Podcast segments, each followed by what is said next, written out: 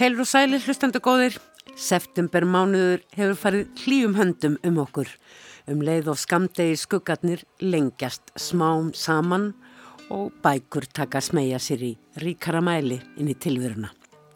Jólabækurnar fara sér hægt af stað, kannski eins gott því mögulega býða en nokkrar bækur sem við endilega ætluðum að lesa frá fyrri árum. Og já, alveg rétt, herbergi í öðrum heimi Eftir Maríu Elisabetu Bragadóttur sem kom út fyrir jólinn 2020 hafði ég sannarlega ætlað mér að lesa. Og nú er bara komin ný bók eftir Maríu Elisabetu, Sápufuglin. Hvað skildi leynast þar á milli spjálta. Meira um báðar þessar bækur og ákefð ungs höfundar hér rétt á eftir. Svo eiga á haustin bækurnar alla sem tilnefndar eru til bókmæntavellunar Norðurlandar á sinn fasta stað í þættinum orðum bækur og í síðara hluta þáttarins verður hugaða tilnefningum til barna og ungmennabókmæntavellunar Norðurlandar ás þar sem myndabækur eru í ár í miklum meirum hluta og báðar dönsku tilnefningarnar eru myndabækur. Fyrst er það Marja Elisabeth Bragadóttir. Það er ótt að segja að Marja Elisabeth Bragadóttir hafi komið trökki inn í Íslands bókmyndalíf með fyrstu bók sína smásagnasafnið Herbergi í öðrum heimi sem var jú eina á jólabókunum árið 2020. Safnið fekk afar jákvæða umfjöllun, seldist vel og var endur útgefið í upphafi ársins 2021. Í byrjun sömars sendi svo unna útgafu hús frá sér nýja bók eftir Marju Elisabethu. Sápufuglin Afar falleg lítil bók með þremur ólíkum sögum og mynda fuggli framann á. Hönnun sem hjónin Kristín Þorkelsdóttir og hörður Rapp Danielsson annálaðir bóka hönnuður í gegnum tíðina eiga heiður að. Allt þetta góð ástæða til að eiga ítalegt samtal við Marju Elisabetu sem ég mælti mér mót við í bókabúð Máls og menningar fyrir nokkru. Heil og sæl, Marja Elisabeth. Sæl og blessa. Það er óhætt að segja að þú hafir með afgerandi hætti komið inn í Íslandst bókmyndalíf, tvær bækur á innan við tveimur árum, fjögur ár frá því þú lögst bíaprófi heimsbyggi við Háskóla Íslands. Mm -hmm. Valdir þú heimsbyggina til þess að búa þig undir að verða mm -hmm. og vera rittöfundur? Vá, en góð spurning, sko... Ég held að ég hafi valið heimsbyggina, sko í fyrsta lagi þá frænka mín heimsbyggingur og alltaf búið mikla verðingu fyrir henni og svona. Þannig að ég hafði einhver tengsli með heimsbyggina og svo man ég eftir því að þegar ég var í mentaskóla þá var ég í svona val áfanga í heimsbyggi og þetta var feminísk heimsbyggi og þá sagði þessast kennarinn í valáfangunum að heimsbyggi snýrist eiginlega, það að læra heimsbyggi snýrist eiginlega bara um það að lesa hægt. Og mér fannst það eitthvað svo spennandi og svo líka hafði ég þessa óljósu hugmynd um það að í heimsbyggi myndi ég fá mikið tækifæri til þess að eða fá tækifæri til þess að skrifa mikið. Og ég held að það hefði verið svona aðal, aðal ástæðan. Varstu í mentaskóla farin að skrifa teksta sem þú kannski ekki þá, ég veit það ekki, kannski jafnvel, en allavega núna sérð sem einhvers konar upphaf. Já, bara lungu fyrir jafnvel, sko. Ég, ég, ég held að ég hef bara byrjað að skrifa svona skáldskap og þegar ég lærði að skrifa eiginlega. Það byrjaði bara þá og þegar ég lærði að lesa. Aðferð þín við að skilja heiminn? Já, algjörlega aðferð mín við að skilja heiminn. Það er mjög fallega orðað, já. Þessar tvær bækur uh, fjalla fyrst og fremst um manneskjur og aðstæður þeirra mm. og, uh, og þetta eru í fyrir bókinni frekar ungar manneskjur, mm. það eru orðnar eldri í síðari bókinni. Mm. Í hverju sér þú munin á þessum tveimur bókum? Þú talaður um í útgáfuhófinu eða í einhverju viðtali, ég man ekki hvort heldur var, að jú, Herbergi eigin heimi er smásagnasapn en sápufuglin er þrjársögur. Já, hver er munurinn? Ég, sko ég veit það ekki alveg, ég veit náttúrulega að dvergurinn með eirað er öðruvísi, hún er miklu skrítnari en ég lefði mér að vera í herberginu. Þú fórst nú aðeins inn á svona yfirskilvillegar brautir en þú notaðir í þeirri sögu sem að heitir mannleisa. Þar uh, leiður þér að vera með svona personu úr annari vitt en þar ertu með börn og börnum leifist ju að lifi í fleirin einum heimi. Það er nákvæmlega þannig. Og það liggur eiginlega byndu að skrifingunni þannig þegar þú ert að skrifa út frá sjónahóli barna held ég. Og þess vegna finnst mér líka að hluta til svo gaman að skrifa út frá, sagt, skrifa börn.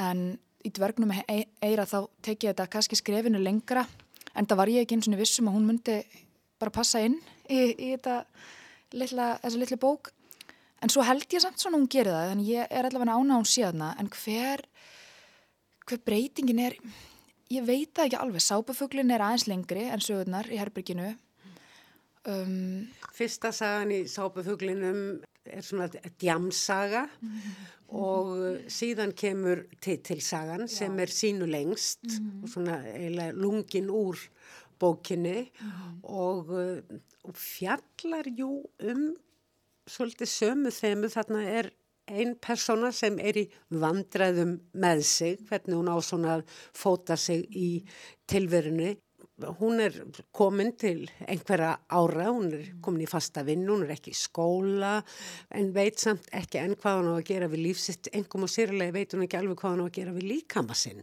en hún er svo heppin að hitta mjölkurbílstjóra, hann að Jóhannu Emmitt, hún hittir hann og þetta er það sem kannski sammeilegt með þessari sögu mörgum sagnana í herberginu er að það er hann að valda dýnamík í svona nánu sambandi. Hún er svona um tvítugt og og verður svona heilluð eða, eða jafnvel ástfungin ef það er að segja það, jú ástfungin af eldri konu eða stelpu að konu, hún er 13 mm. árum eldri þannig að það er nú alveg bara rúmlega 30 já, ymmiðt, en það er býstna mikill aldursmunni þegar, mm. þegar þú ert bara 20 og þetta er kannski svona spurning um það hvernig hvernig okkur finnst rétt að elska aðra mannesku spurning um líka eru mínar tilfinningar réttar Já. og þessi stóra spurning sem að fólk, manneskjan spyr sig svona frá mm. því hún fer að aðgreina sig almenlega frá umhverfið sínu, foreldurum, sískinum Já. og svo framvegis Einmitt. og áður nú búin að finna sér einhvern stað. Einmitt. Hver er ég? Nákvæmlega. Mér var svolítið erfitt að skrifa þessa sögu og það var alveg alltaf átakasamt ferli. Ég var svolítið lengi að því með mm. við rauninni hvað hún er stutt, þannig lagað. En svo einhvern veginn endaði, ég, endaði þetta að vera þannig að ég tristi bara svo mikið að þessum aðal karakter og hún er, þrátt fyrir að vera dálítið rugglu, þá er hún samt líka sterk sko. Mm. Og fylgin sér. Hún er nefnilega fylgin sér. Hún er hann í sambandi með aldrei konu en hún samt svona stendur alveg á sínu. Hún er að reyna að lifa í heilindum, reyna að vera sönn manneskja. En svo kemur Ír mm -hmm. þarna inn, gerir mikinn usla. Algjörlega. Með afskiptasemi sinni. Já, og þær eru svona gamalt samband Jóhanna og Ír og það, það er líka fullorðinssamband. Mm.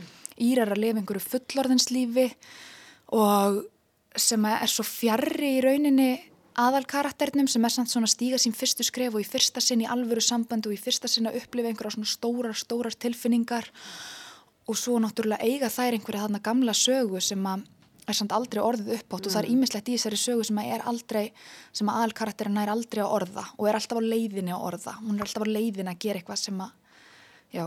Væri hægt að líta á sápuþuglinn sem er jú fuggl sem er sápa Já.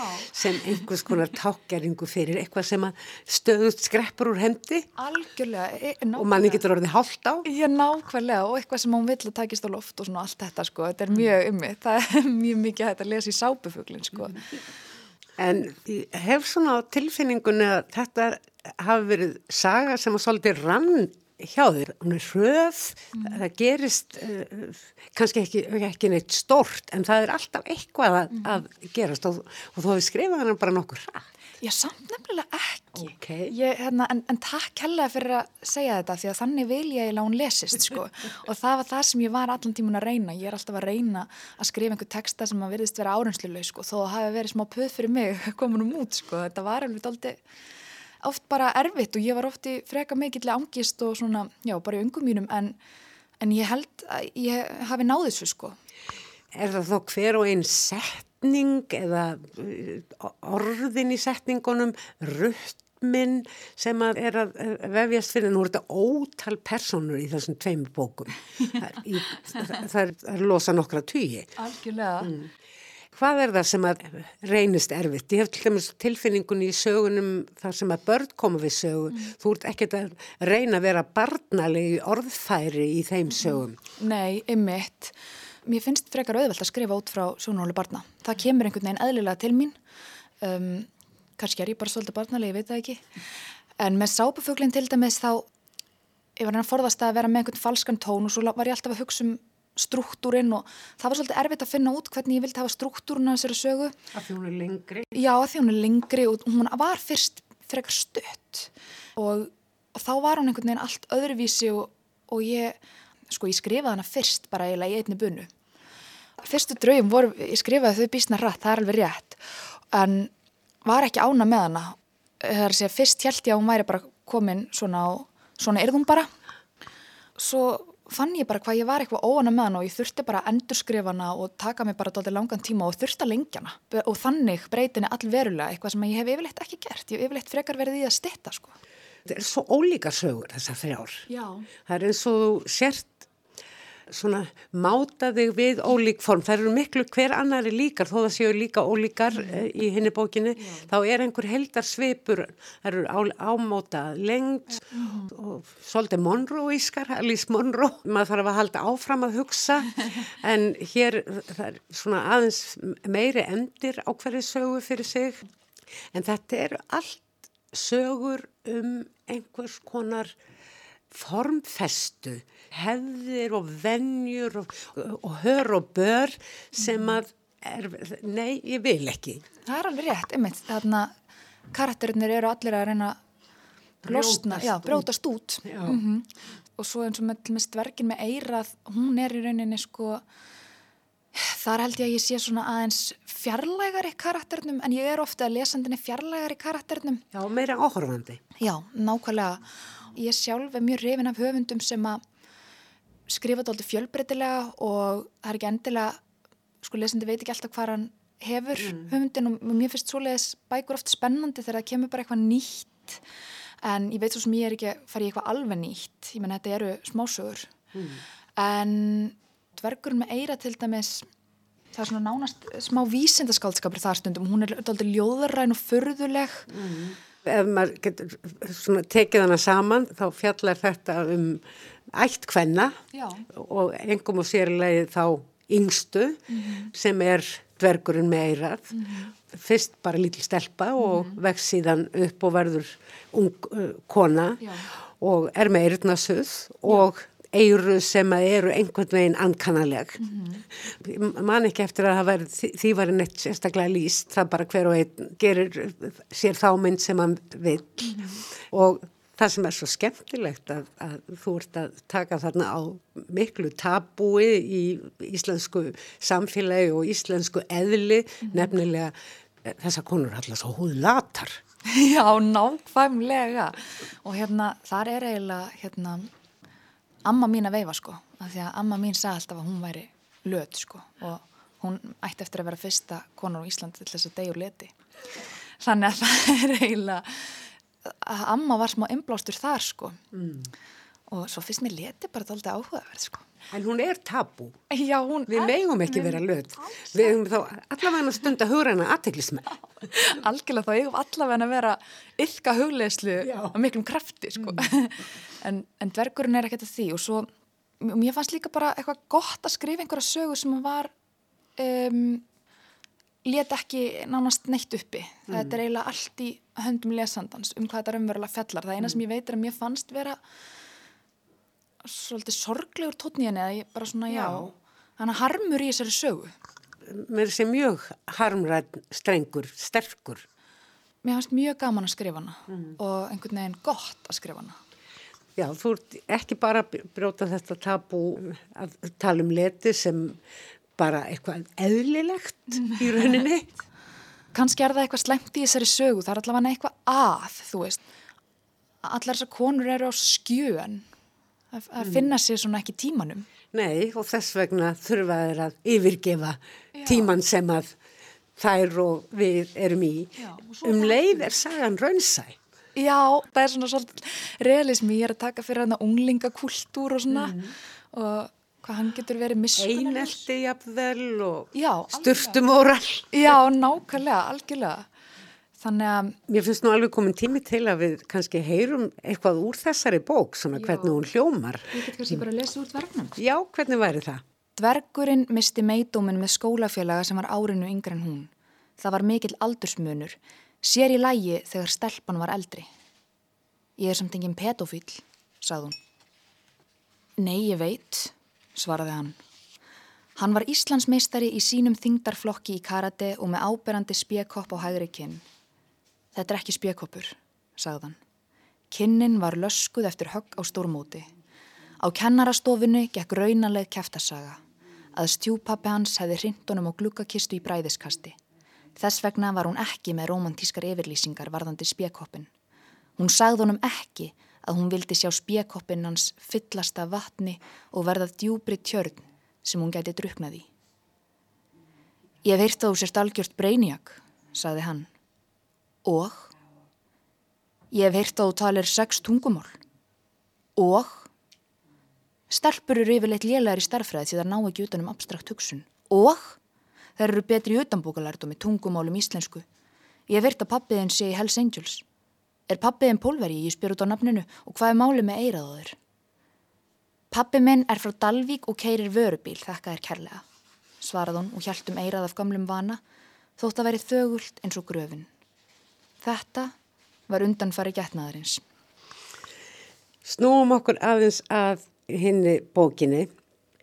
Mér finnst uh, eins og síðasta sagan í þeirri bók, mm. hún gæti mætti kannski kalla hana titilsögu mm. hún ber reyndar alls ekki titilbókarinnar mm.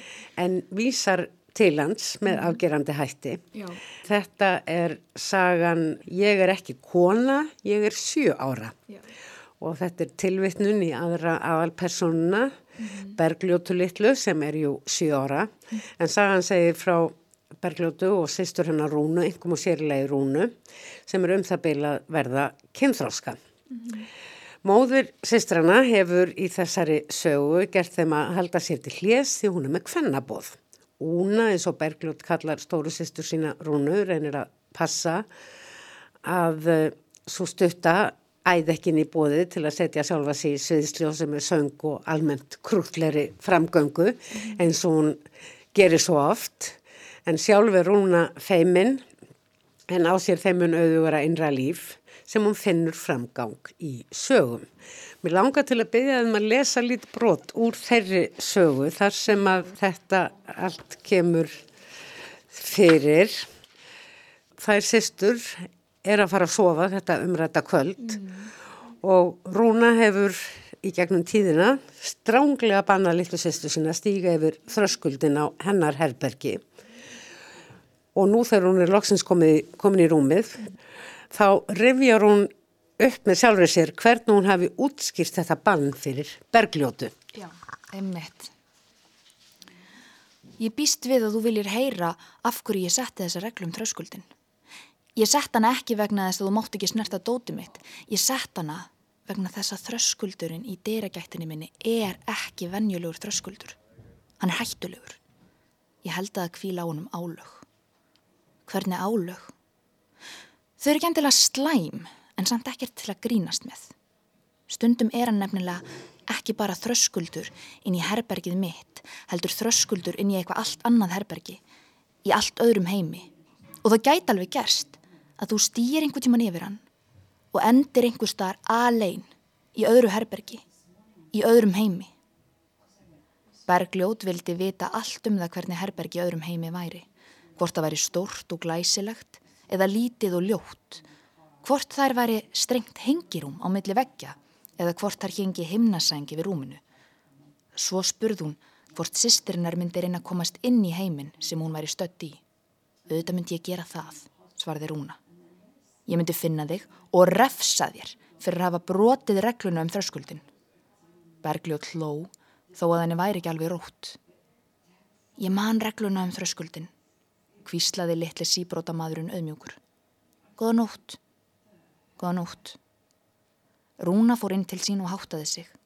Í fyrstu let hún hurðina falla þjætt að stöfum en ákvað svo að skilja eftir ofurlitla refu millir stafs og hurðar. Hún náði í tölvuna sína, aldur nýið ferlíki sem hún svaf með saman brotna til fóta eins og sótt heitan kjöldurakka.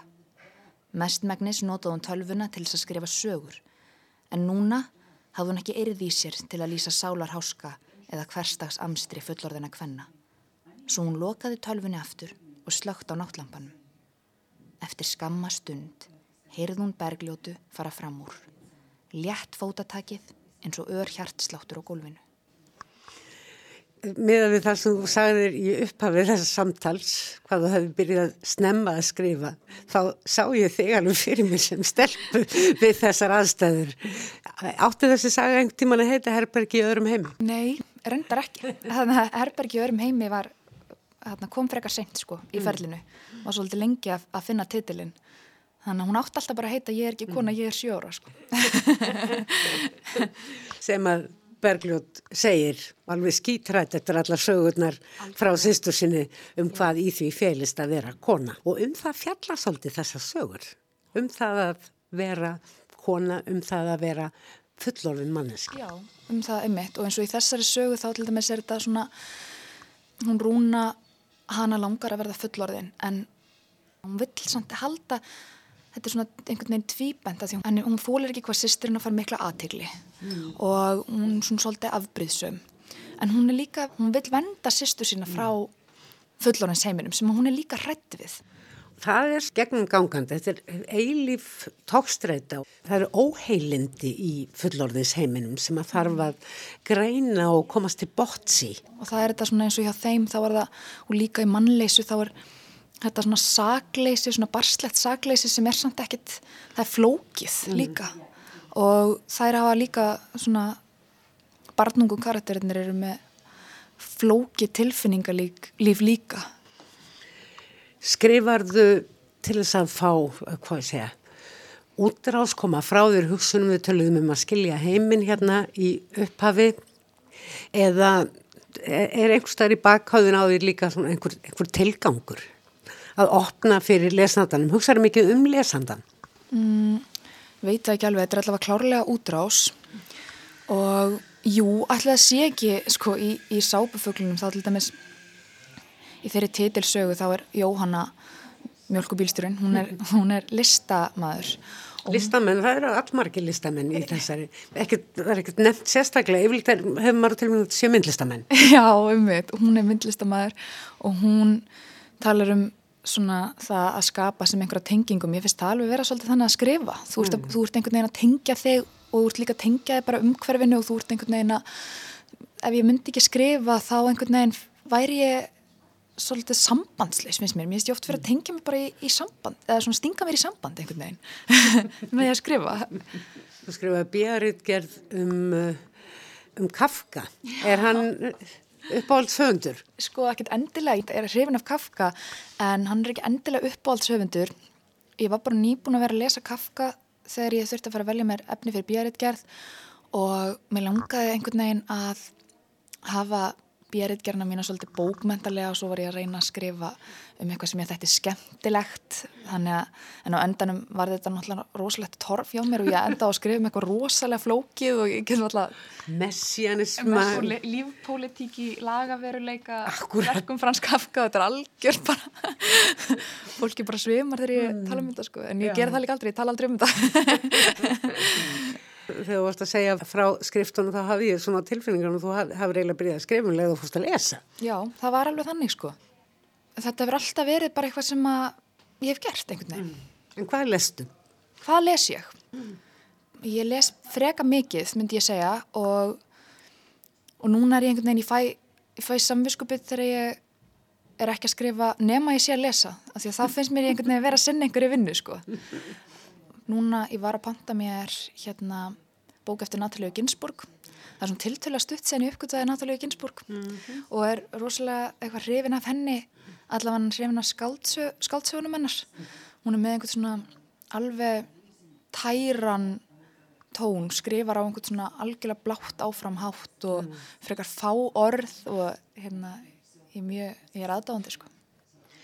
Nú byrjar und fólk ofta á því að senda frá sér ljóð. Mm. Prósin er þitt form, frásögnin, krupning í, uh, með orðum. Já, sko, prósin allavega fyrst og fremst og ég hef aldrei einhvern veginn fundið hjá mér þörf til þess að gefa út ljóð en ég les mikið ljóð og mér finnst ljóð svona, þau skipta mjög miklu máli og ég hef skrifað ljóð en aldrei einhvern veginn sem að aldrei haft þess að þörf til að gefa þau út kannski mm. einhver tíman ég, ég og prívat? Já, kannski, ég, það gæti alveg verið allavega svona, mér finnst það svona kannski pínulíti ókvækjandi tilöksun sko, ég viðkenni það alveg mm. ég er allavega ég er örugari með mig sem prósahöfundur en, en það gæti alveg breyst og, mm. og ég hef reyndar í rauninni aldrei alveg skilið af hverju ljóð eru svona oft fyrsta skref mm. höfunda, mér finnst það ekkit endilega mér finnst það ekkit endilega ætti að vera þannig Töluðum um allan þennan fjölda persóna kynnustu persónuðinum í skrifunum, í aðstæðunum út frá því svona efni sem þú, þú ert að hugsa um og, og fjallum mm. eða eru þær einhvers konar keröld sem að koma með efnið? Vá, góð spurning. Ég held að þetta sé svolítið, svolítið ringrás. Af því að yfirleitt þá held ég að það sem ég fæ fyrst, sko, ég myndi ekki segja ég fóð hugmyndir á sögum, heldur fæ ég meir einhverja tilfinningu sem ég vil koma til að skila. Einhverju svona samskipta dýnamík eða eitthvað þannig. Og það er rosalega góð tilfinning. Mér finnst ég kynnast karakterinum, já, þegar ég er að skrifa þá. Það er rosalega góð tilfinning um, að vera að skrifa samtal til dæmis og finna að þú átt ekki neinum vandraðum með, með framvinduna í til dæmis samtalinu að því að þið finnst eins og þú sést farin að fá það góð tilfinningu fyrir karakterinum að þú veist bara nákvæmlega hvað karakterin myndi segja þarna. Veistu hvernig þið lít út? Karakterinir? Vá, en góð spurning. Svona, sko... Það var einsagt að spyrja eh, lesanda þessari spurningar og ég hugsa að myndi svara einmitt uh, góð spurning. Já, þetta er rosalega áhugavert því að fólk er líka með svo ímyndunar að dölafyllt fyrirbæri. Hvað, mm. hvað sér fólk? Svona, ég, það er ekki konkrétt. Nei, það er þannig ekki og það er oft erfitt svona eins og svona núna þegar ég fer að hugsa um karakterinu minna hverja, hvaða karakter að sé ég vel fyrir mér. Ef einhverjum ástæðum þá veit ég hvernig, mér finnst eins og ég veit hvernig til dæmis hendunar á Jóhannu e, sábuföglunum eru. en hérna og, og kannski mér finnst ég vita hvernig kannski kápan sem einhver flegir yfir sig eða eitthvað svo les nákvæmlega, kannski finnst ég svona vita smá hvernig, hvernig bergljóð litla í hérna, sögurni sem ég var að lesa úr á hann hvernig hún lítur út og rúna en samt ekki svona alveg ákveð og ég kannski hugsa heldur ekki þannig þegar ég er að lesa sjálf. Þrátt fyrir að ég myndi alveg segja ég væri með svona frekar ég svona frekar myndræn, hugsa myndrænt þannig lagað mm. ég sé vel fyrir mér svona rýmin og litina og svona litapallettuna einhvern veginn en ekki endilega einmitt skýrt andlitin mm. Og þú bara heldur áfram að skrifa og, og skrifa er, er, er smásagan enn þitt svona megin form? Sko málið er að þegar ég sest niður og skrifa þá er ég ekki endilega ég með einhverja sögu og mér finnst hún einhvern veginn ráða forminu fyrir ekkar mm. að formið ráði sögunni Þannig að ég ætla bara að sjá að það væri búið gaman að, hérna, að næsta bók erði svona lengri, mér langar svona einhvern veginn að, mér langar að geta gert það og þannig að það er svona planið. Hvernig eru aðstæður ungra höfunda? Nú þú eina fáum í, í svona af yngstu kynslu uh, íslenskra höfunda sem ekki haf, hefur gengið gegnum reillislanám og þau sem hafa verið þar, þau skáld og réttöfundar tala mikið um tengslinn mm -hmm. sem að þar uh, myndast Já. og aðs, allar ytri aðstæður bókmentana hafa jú bara á allra síðustu árum uh, gerbreyst mm -hmm. með tilkomu samfélagsmiðla breytingar bara á fjölmiðla heiminum, umfjöldunum bækur, mm -hmm. auglýsingar um viðburði og svo framvegs mhm. fyrir svo utan hljóðbókabildinguna mhm mér finnst allavega að reillistin virkar rosalega flott og spennandi og ég held að klárlega þetta með tengslinn það skiptir allavega rosalega miklu máli að það er allavega mjög dýrmætt að eiga góða reitvinni og ég hef egnast þá í setni tíð og svo bara eins og besta vinkunum mín, hún, við vorum alltaf, þetta var sameinalt áhugamál hjá okkur þegar við vorum litla líka, við vorum alltaf báðar að skrifa þannig að mm. ég hef átt mjög góðan reitvin alla tíð en þetta er algjörlega eitthvað sem ég hugsaði um þegar ég var til dæmis bara í heimsbygginu þá var ég svona soldi að bó út í þessa riðlistakrakka en svo í setjum tíð þá hef ég eignast rosalega goða vinni sem að ég mitt voru í riðlist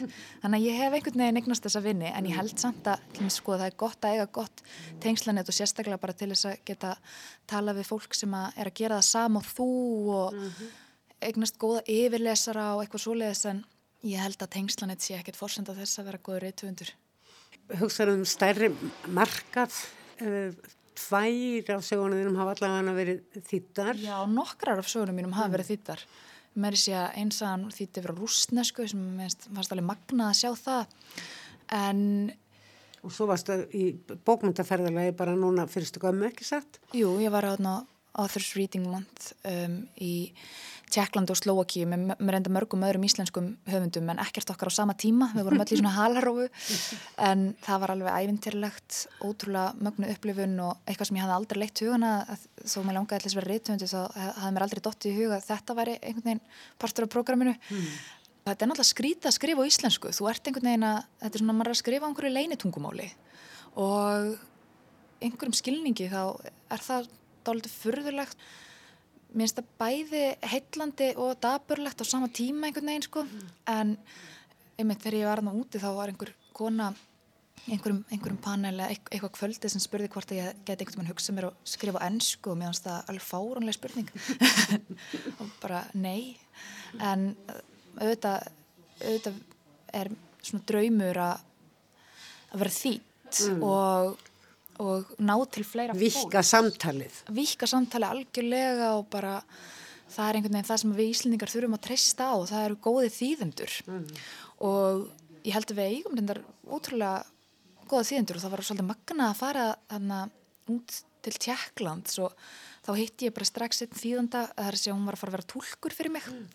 og það var svo skrítið að vera alltaf í hennu stöttaðna í Tjekklandi bara að tala íslensku við einhverja mannesku sem talaði bara íslensku eins og innfætt og það var svo sérstætt og magnað mm. þannig að mm. við erum svolítið vel sett líka mm.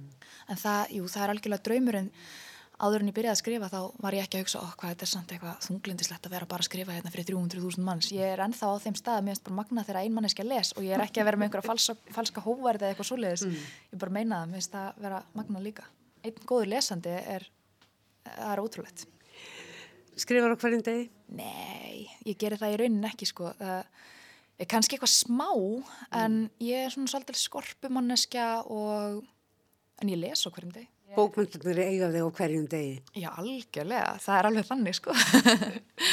En ég er svona misjaflega yfinn og er enn sem komið er dálítið kátísk en ég, ég er samt svona upplega, ég get verið auguð sko þegar mikið líku við, þá mm. er ég það þegar skiladagur nálgast. Já, algjörlega, ég held að sérst mjög mikilvægt að hafa skiladag sko, þó það sé bara einhver skiladagur sem þú setja þig sjálf. Mm.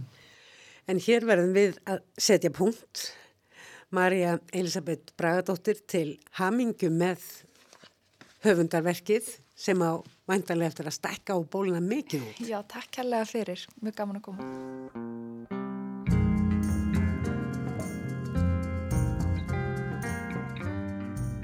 Barna- og ungmennabókmyndavelun Norðurlandaráðs fór í fyrsta sinn afhund árið 2013 en stopnað var til þessarar viðbótar í velunagarði Norðurlandaráðs í tilöfni 50 ára afmælis hinn að gamalgrónu verluna.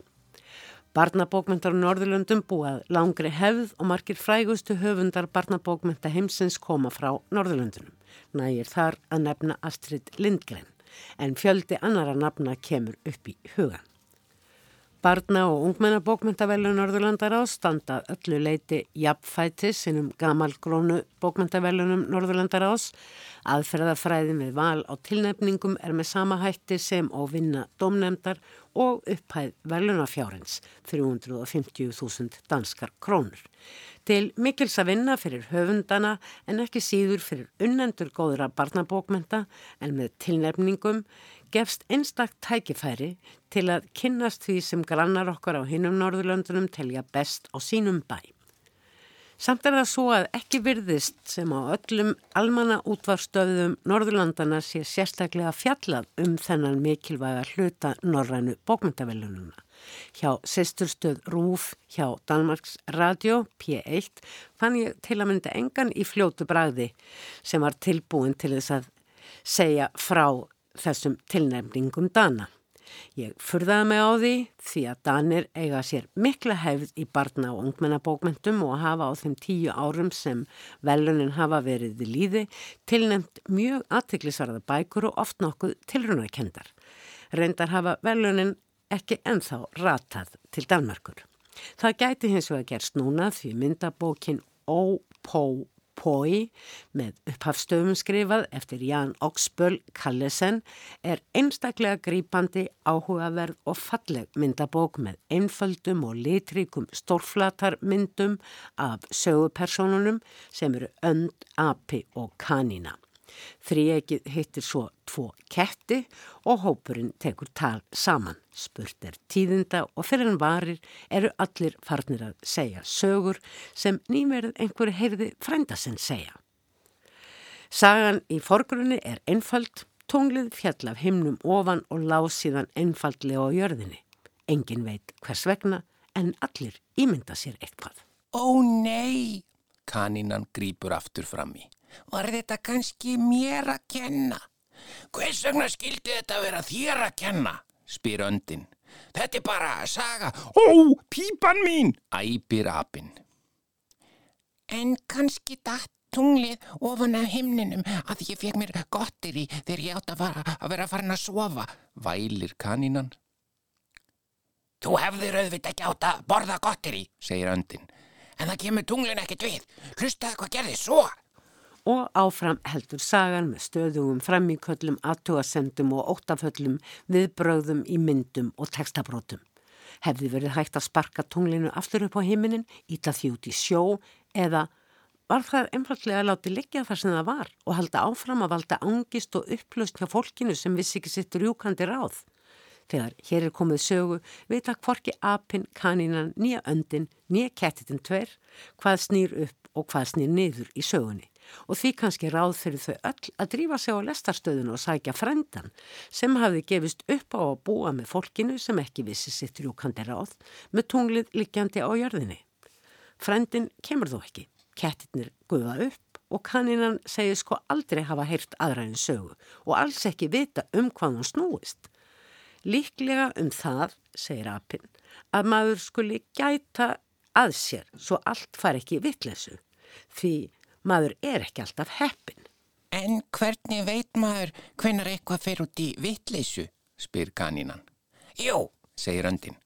Maður hugsa sig um og, og, og hugar að því sem að maður sjálfur gerir og ekki bara því sem aðrir gera og, og fylgist með því sem gerist í kringum hann. Til dæmis finn ég núna að hann er byrjar að blása svo, svo þú skiljar halda fast í hattinn minn.